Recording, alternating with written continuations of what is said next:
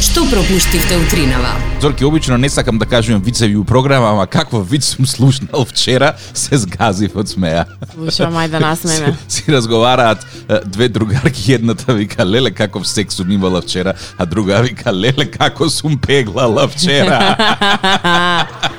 Погоди која од нив две беше мажена. Ко, кои приоритети и како приоритетите ти се менуваат во, во животот, зависно од тоа која возраст си Од оваа гледна точка мене Вицов многу многу не ми е смешан, ама добро. Мене многу.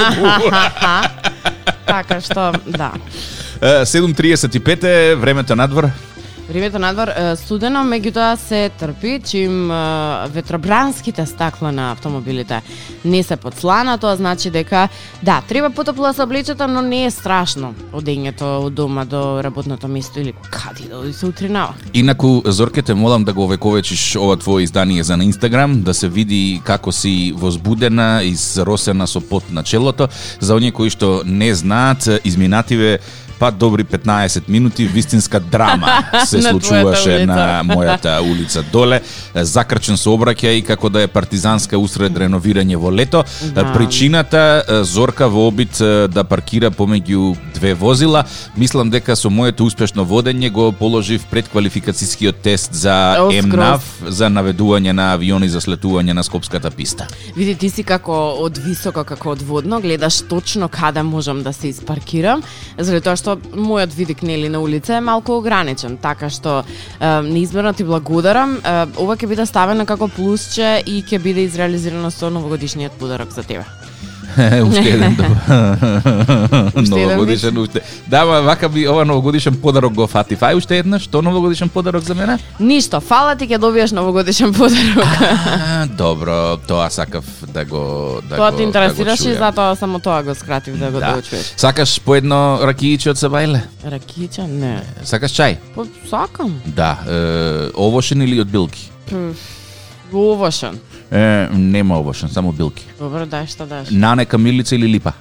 Ај, сите три се исти. Ај липа. Добро, порцелански или пластичен филџан сакаш? Порцелански нормално. Мед шекер на трен за сладувач? М, Мет. Багремов, шумски, липов, ливадски? Леле, дека се решиме, ајде, Сакаш ракија? шумски. Ајде, дај ракија, дај.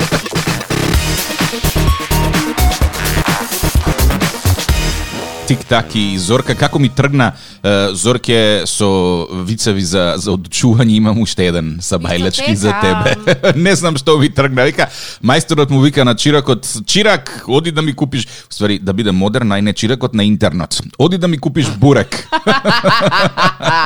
Добро. И е, интерно вика, абе програмеру, ако нема бурек да ти купам таа налва. И програмеру вика, ако нема бурек ќе купиш баничка.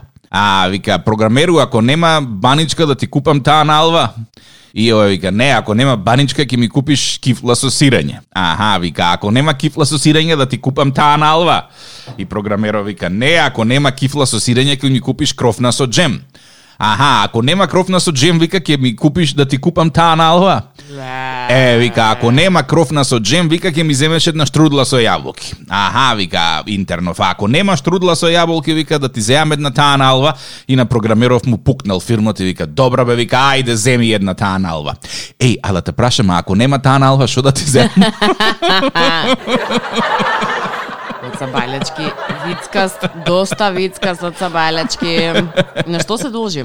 Е, Сонце нема, вообичаено тебе е сонце вака ти, знаеш кога ќе те удри во глава, па убаво ти е, весело ти е, срекно. Сега сонце нема. Ке види, мене Ти си за... моето сонце. О, за, за, за греш. два дена ми е, е божикот, така да тоа малку вака ме, ме возбудува, иако нема никакви новогодишно божикни декорации, тука малку А, ми е... грешка си, твојот комшија во дворима на Китена. Сериозно, комши и Елка. двор кителе. Не, не, не, Елката на Китена, како што... Не знам дали станала збор за казна, мајкава се си има изнервирана да из- и да извадила Елката надвор, зашто ми изгледа многу богато и многу е, убаво, како домашна Елка. Е, истата таа е на Китена и ставена во двор. Не знам што се случило, ама сигурно имала вистинска драма там. А може и само сакале да видат што сни да накидат. Па, м, имаше град Скопје конкурс за најубаво украсен двор и така натаму и така натаму, ама некако не сум љубител на тоа да си го... Е, Па јас годинава и не сум видела некој кој знае како да има накитено, да ти кажам, со оглед на тоа што изминатите години знаеле некои скопски балкони или дворови да бидат баш пријатни за око во новогодишните празници. А, она што оваа година можам да го забележаме, како да не доаѓа нова година, како Не. да сме во друг Не. период од годината, како веќе февруари, март да дошло, како да немаме апсолутно ништо на што да се израдуваме, а забораваме при тоа дека сме здрави и живи и сме унаму каде што сме во видоизменет состав, кој изгубил работа, кој добил нова работа, кој нешто Кој не ново може да бара планира, работа, да, да. кој не може, кој не кој е на принудна диета без вкус и без мирис и така натаму и така натаму, гледаш сите некако различно. А, Премиерот Зоран Заев најави дека во 2021 година ќе се дебатира за декриминализација на марихуана во Македонија, што би можело да води и кон незина целосна легализација. Според владиниот план акција 21 кој што тој го представи, парламентот на почетокот на 2021 ќе дебатира за декриминализација на канабис, а до крај на јуни 2021 ќе се дебатира и за целосна легализација. Искуствата од држави како Канада, Чешка и Холандија покажуваат дека заработуваат 55 милиарди годишно од оваа дејност. Уф, Зорке, тоа се пари. бре. Знам, знам, се ми е јасно. Според него се очекуваат 250 милиони евра во државава од производство на канабис за медицински цели и отварање на нови високоплатени работни места. Можда ќе бидеме познати по нешто во светот. Ајде да видиме, да да не судиме однапред. Види, ние сме многу познати по е, други нешта, во главном лоши најчесто, за жал. А сега е време може би да не познаат по нешто добро.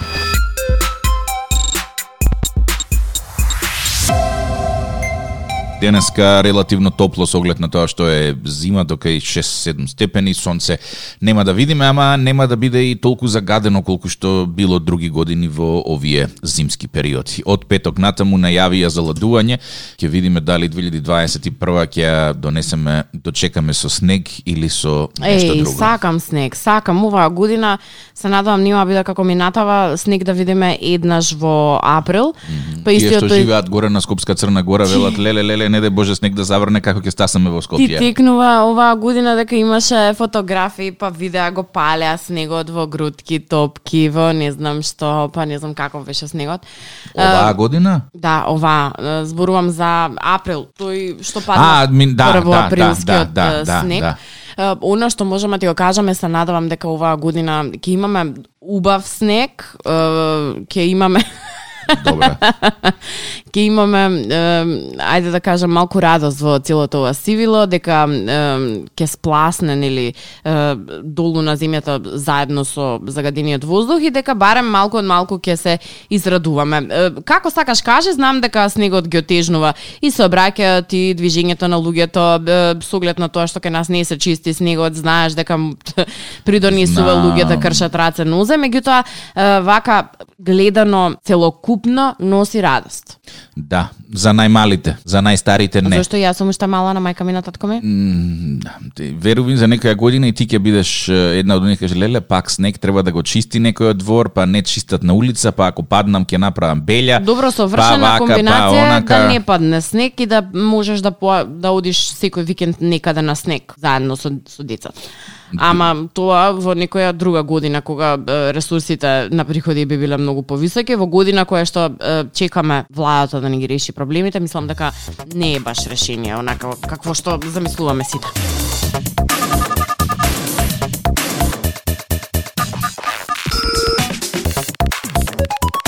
Игор, е, шеф кувар, дечкото што ми ги праќа најбајте фотографии во инбокс на Сабајле, постави една интересна дилема Зорки.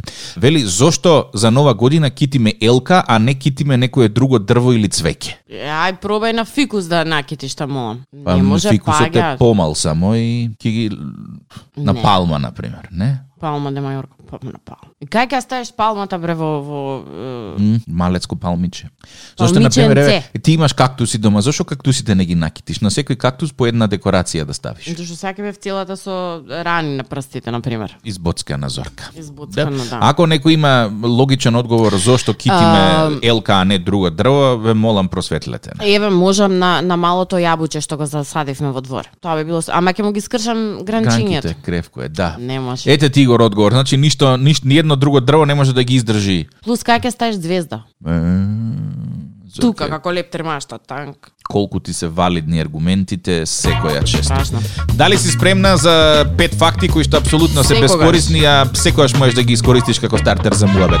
Секогаш во секое време. А, знаелеш ли дека во една соба со 23 лица има 50% шанса двајца од нив да го имаат истиот роден ден. Ако имаш 70 лица во иста соба, тогаш шансите се 99,9% дека две лица се родени на истиот. Ке те побијам, никогаш не ми се случило да имам ист роден дан со некој. Е, а ти се случило во соба со 70 лица да ги прашуваш кој кога е роден? Па не, ама веројатноста. Еве ти друг пример. Не мора да сме во соба, на социјална мрежа Инстаграм сме. Имам околу 1100 пријатели, роден ден делам само со една личност. Сигурна си? Со ед... Да, Еве, ајде да видиме сега а, сите што се на Facebook а, и на Twitter во моментов, колку од вас се родени на 10 јануари. Ајде, пракете пораки. Баш да видиме колку од вас го дела тој роден ден со со мене. ај баш. Не од 70 од 1000 и, и кусур, и од 5-6 илјади на на Facebook. Ма јас ќе ти го побијам заради тоа што ти кажувам дека на Facebook само јас сум. Имав уште едно девече што имаше роден дан со мене, ама многу ми сметаше да ми е, динка тоа е, Да ти ги одзема, да, ти го одзема вниманието, вниманието на од твојот тој ден, роден тоа си е ден. мој ден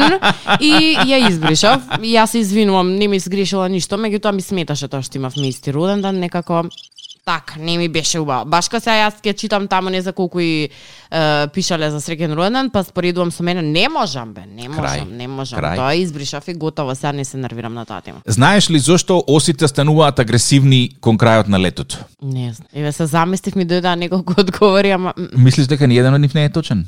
па некако да, чувствам со, Ајде со да те да извлечам некој збор од тебе, ученичке. Е, првиот момент е дека може би им станува ладно, Не е вториот точно. момент е дека може би е, им завршува сезона на парење и третиот момент е дека Па извини, ама зошто некој човек е, би бил нервозен? Да, да, јасно, му завршува сезона на парење. Добро, Да. продолжи. И трето треба да тргне во училиште. Не знам, е појма немам. Значи, е, стануваат агресивни затоа што почнуваат да се опијануваат од ферментирањето на овошјето кое што скапува на дрвата.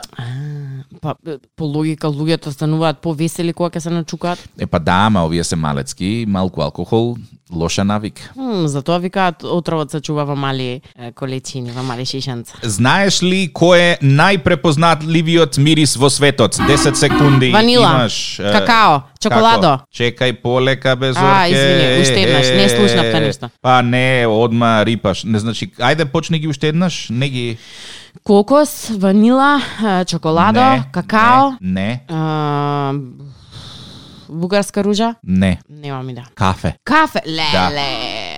Да. да. Кафето е најпрепознатливиот мирис во светот и ова ќе те шокира. Добро? Е, која е причина број 1 за смрт во Сахара, во пустината? За сркнување од песок. Не. Блиску бев? А, Блиску го беше. истраскав, добро. Да. Е, давење во вода, а не жед. А, од која ќе начекаш вода, толку многу ти се пие што не имаш. Аха, аха, аха. што немаш е, усул и се се давиш. Е, Тоа го потврдува фактот кај нас, кој ќе речеш, леле, умрав од јадење. Со стапани. Значи ти цел ден си гладувал, си гладувал и на крај ќе седнеш и немаш засит. старата баба викаше синко никој не умрел од глад, ама многу умреле од јадење. Да Се слагам апсолутно.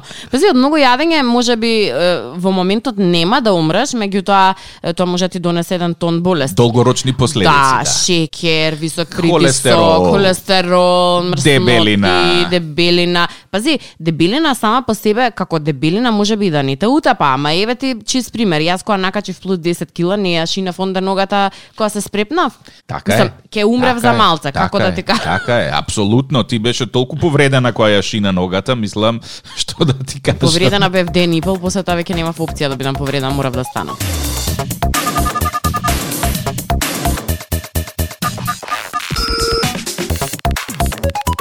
само 8 дена до најлудата ноќ која што оваа година под е, присилни мерки ќе треба да ја проведете. Да ти кажам, толку нема да биде луда оваа година, толку ќе се наспијам, леле, леле, леле. Е, Планираш? Па да ти кажам, планирам кога си залегнам таму никаде околу 21-22 часот, до следниот ден не ме барајте.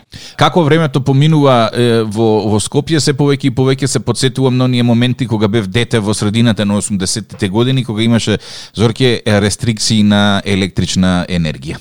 А, да. Ти текнува, па тоа беше момент со семејството да се собере заедно и мислам дека сега во моментот кога ќе нема струја, нема интернет, нема телевизија, нема компјутер, Се што, ти останува е да се стиснеш еден до друг. Знаеш, јас мислам дека тоа е се смислено, дека не е сосем случајно е, ставено, едноставно Апсолутно. има луѓе кои што е, таму знаеш купчето кај што се пушта и се исклучува. Ајде сега да се гушкаме, так ќе го исклучи, толку е, не нема што да правиш, мора да се гушкаш, не ти останува ништо друго, темно, прст пред око не се гледа, се стимна уште у 4. Така што е, благодарение на тие што притискаат купчиња е, се подсетуваме колку ни се значени останатите членови од семејството и колку е топла нивната преградка. Ова ќе излезе како го кажа, како она во серија на Lost, Дезмон што го стискаше копчето, го пам- памтиш? Да. Ако не го стиснам копчево, светот ќе престане да постои. Така и ти ца, како не се напијам кафе, крај на светот. не ова е, ако не го стиснам купчето, нема ви текна се изгучката. Ностоп сте со телефоните, да, особено ова многу влијае за децава, заради тоа што повеќето од нив нели се закачени на Wi-Fi, во моментот кога снимува интернет, тоа е не вика нема светло. Леле ми се исклучи вика компјутерот, немам интернет. Сериозно? Така Сериозно. реагираат анксиозно Сериозно. кога ќе снема? Сериозно, тоа е децата и нивната зависност од интернет и е, тоа разноразните игри. Многу ми се интересни кога ќе ги слушам, не знам дали си си успел да заслушаш деца млади сега како разговараат меѓу себе. Не. Овој гарант е бот. Овој 100% е бот, тука вака влезе и ми ја зема а, пушката и ми ги собра сите курш. Викам, чекај, Што стоп е малце, бот? што е бот, која пушка, кај ви влезе, од кај дојде. Ау. Или, е, не знам се, може Тоа да најверојатно грешам. дискутираат некои видеоигри кои што ги Да, играат. да, да, ама тие се некои е, зборови кои што понатаму продолжува да ги користи во секојдневието. Јас на пример кринџам кога ќе го слушнам, прво многу ми беше чудно, а сега толку се навикнав на тој збор, така ми се одомакини. Леле кринџам кога ќе те Па, исто видам плава. веројатно и на Зорке. нив им се од домакинува е, се оно што го зборуваат таму и што го преживуваат, е, иако доаѓа полугодие, па рестрикции, па нема веќе играње и е, нема веќе толку ботови во секојдневниот живот. Имаше на социјалните мрежи пред неколку недели некоја мајка начекала преписка од тинејџер дете, керка или син mm -hmm. и вика леле што значи ова и пола англиски зборови, пола македонски зборови, пола некои кованици и комбинации Види, од на, двата. На времето, е, јас се сеќавам некаде втора, трета средно е, добив мобилен телефон и се чуваше мобилниот телефон како учува го. А ку знае ми се што сме пишувале, некоја си е, декодирана порака од Аха, НАСА. Тогаш беше 15 денари SMS зорки. Е, Па знам, ама го пишуваш тој SMS со скратеници со се, мајка ми кажа, кој ве разбира што пишувате тука? Мислам, тоа намерно беше така за да она не разбере што пишуваме. Е сега и да ти го остане лаптопот или телефонот на мас, ти ништо не разбираш. Не разбираш. Друг тоа е тој јазик. Нов јазик кој што еволуира и кој што има опасност да го загрози овој кој што цело време го зборуваме, така да е, дајте измислете некои соодветни зборови за термините кои што ги одомакинивме од англискиот јазик. Тоа се размислувам вчера, нели зборувавме на тема дека а, најпопуларниот јутубер има само 9 години. Вчера да ти кажам седев и, и гуглав барав за за дете. Го гледаше? Да, го гледав. Браво. Што да ти кажам по, повеќе. И од тука дојде на друго прашање. Во ред е, гледаме каква е модата, гледаме на кај од работите. Најблиску до некое е, разбирливо говорно подрачје освен на англискиот ни е српскиот. Таму деца има, меѓутоа содржината е далеку далеку по неквалитетна да речеме од онаа што ја нудат овие е, странскиве јутубери. А м, е, друга опција за она што би гледале децата, мислам што им е интересно, не дека тоа некој го дозволува, ја не верувам дека родител му вика «Пф, земи го телефонот, гледај што сакаш. Меѓутоа пак гледаш, а гледа деца, гледа играчки, ке си речеш па добра, нека гледа, нека види. И А, нека после гледа, тоа ни е нека види, чудно, да. зошто зборуваат на англиски, разбираат на англиски, зборуваат подоцна, така натаму, така натаму.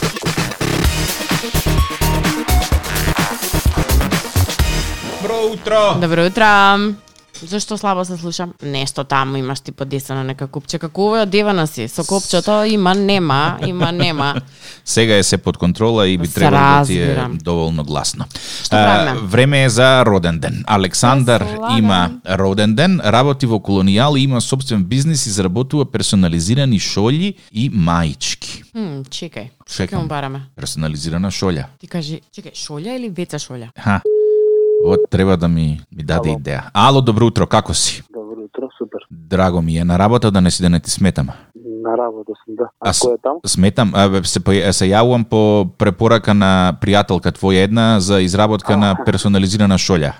А, така. Да. Добро. А, може ли да ми направиш една, ама не сакам со со класична димензија. Значи, у принцип, е, дојдовме до заклучок дека оние индустриските шолји што се стандардни, што се продаваат у, у, у салони за не бела техника, него керамика или како и да се вика, Да.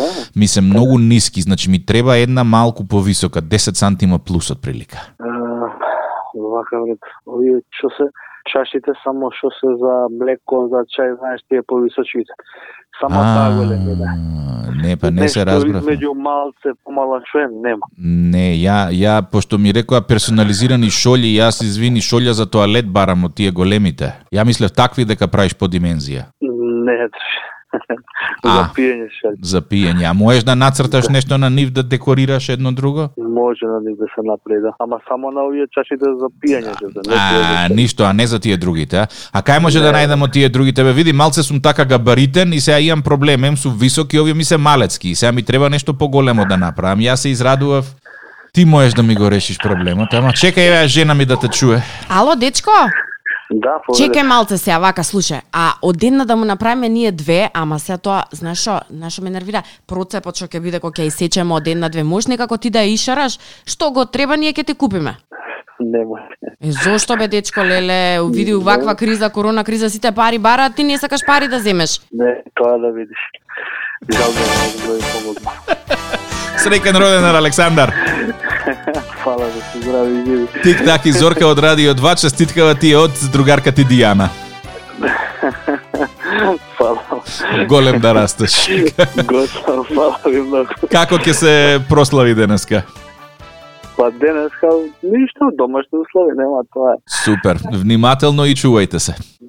Фала ви исто и вие. Поздрав, секој е добро. Чао, чао, се него. 8.53 Гледаш како в бизнисот никој не му текнува. Ние сме полни со бизнис идеи. Декорирање на веца школки, односно на веца шолји. Нема подобро. Ако сакаш едно печа цветчиња на цртај ми. Продаваат капаци декорирани. Еме сега капаци, капаци, секој може да има, ама школкава дали знае некој да ја нацрта. М.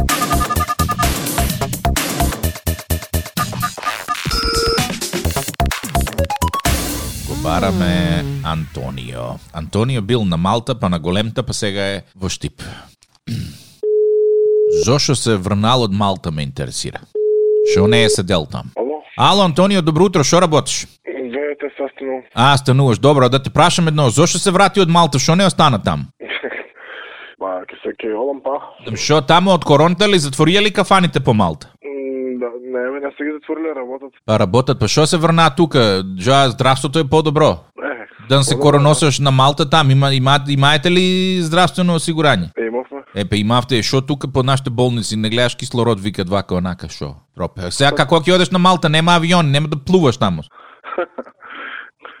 Ке одам со авион, не се кирен. Шо, од кој авион? Тука од Скопје нема авиони, ако одиш од Бугарија сам. Да, од Бугарија. Да, ама тоа е веќе дискутабилно сега со ново настанатата ситуација тука. Па добро, не сега натаму. Чо, ке на имам, таму. Добро, убаво. И како е на Малта тамо живот убав ли е? па. А кој е на телефон? Абе, тик-так е на телефон, како не ме знаеш? Там и на Малта ме има Кој? тик-так. Не знаеш ти кој е тик-так. А там на Малта слушаш ли тоа радио Бей? Па не знам да ти кажам. Еме и там ме има од време на време. Говорам Ако тамо може, по англиски, а тука по македонски. А, поможе, не знам. Да, знаеш ли зашто ти се јавувам сега? Не. Че сега ќе ти каже женам. Ја и жено кажи му на човекот зашто му се Е, јавуваме. де ја, па све ја. Абе, знаеш ли ти кој е Игор Илчо? Не. Другар ти бе? Јави ни се да ти каже да ти се јавиме да ти честитаме роден ден денеска. Среќен роден ден. Фала. На радио си? си. Се усрами човекот. А, да Тик так и Зорка од Радио 2 чestitkava ти од Игор Илчо. Фала. Ако не знаеш кој е, што да ти кажам? Натака Толку. решете си ја. Ке ти се јави сега, после да видиш дали не го знаеш Виж, кој е. кој Игор Илсо не го знаем, сега ти ваму, ба! Нале, Антонио, убаво да си поминеш денеска, со памет у глава. Фала, Секој е добро и, и со среќа на Малта. фала. А чекај, може, може еден многу лош виц да ти кажам? Ајде кажи. Каде за нова година? Малта соба. У Малта соба. да, браво, Зорке. Еј, ми го ти да не растори одиш, вицот. чекај, ти да не одиш у Малта соба да работиш, да не, не одиш стварно на Малта. Не, не. Да бе, у Малта соба човек од кафич си измислил тамо, досадно му е се у коронава, ба и кај се, а бе, Зорке, шо направи ти? Антонио, поздрав, секој е добро, се слушаме наредна прилика. Фала, Чао, поздрав, чао. фала. Време е да го направиме и последниот роден ден. Вртиме кај Благица. Благица хоби е правење за разни украси по дома. Што може да ни украси Благица? Е, што може да не украс? 12 илки по... Зашто кјути телефонов не ми е јасно. Да не спие. Ај, не, зашто кјути? не е те го. Многу интересно за Благеца што вчера го побара роденденот на Инстаграм и е, вели за тетка ми, мислам дека беше за тетка ми или војна ми Благеца, од внуките. внуките Марија и Благица. Ау, и како викам внуката, така, да. е, внуката и тетката имаат исто име и презиме, многу интересно. Е, ама, за жал, тетката не се јавува. Нешто со телефонот. Сега ќе даде сигнал дека е Зафатано. да. Значи, воопшто не, не звони тука. Дава обид како да задзвони, ама јок. Нема. Жалам, благице. Немаше среќа. На Радио 2, секој работен ден од 7.30. Будење со Тик-так и Зорка. Во случај на неконтролирано смеење и симптоми на позитивно расположение, консултирайте се со вашиот лекар или фармацевт.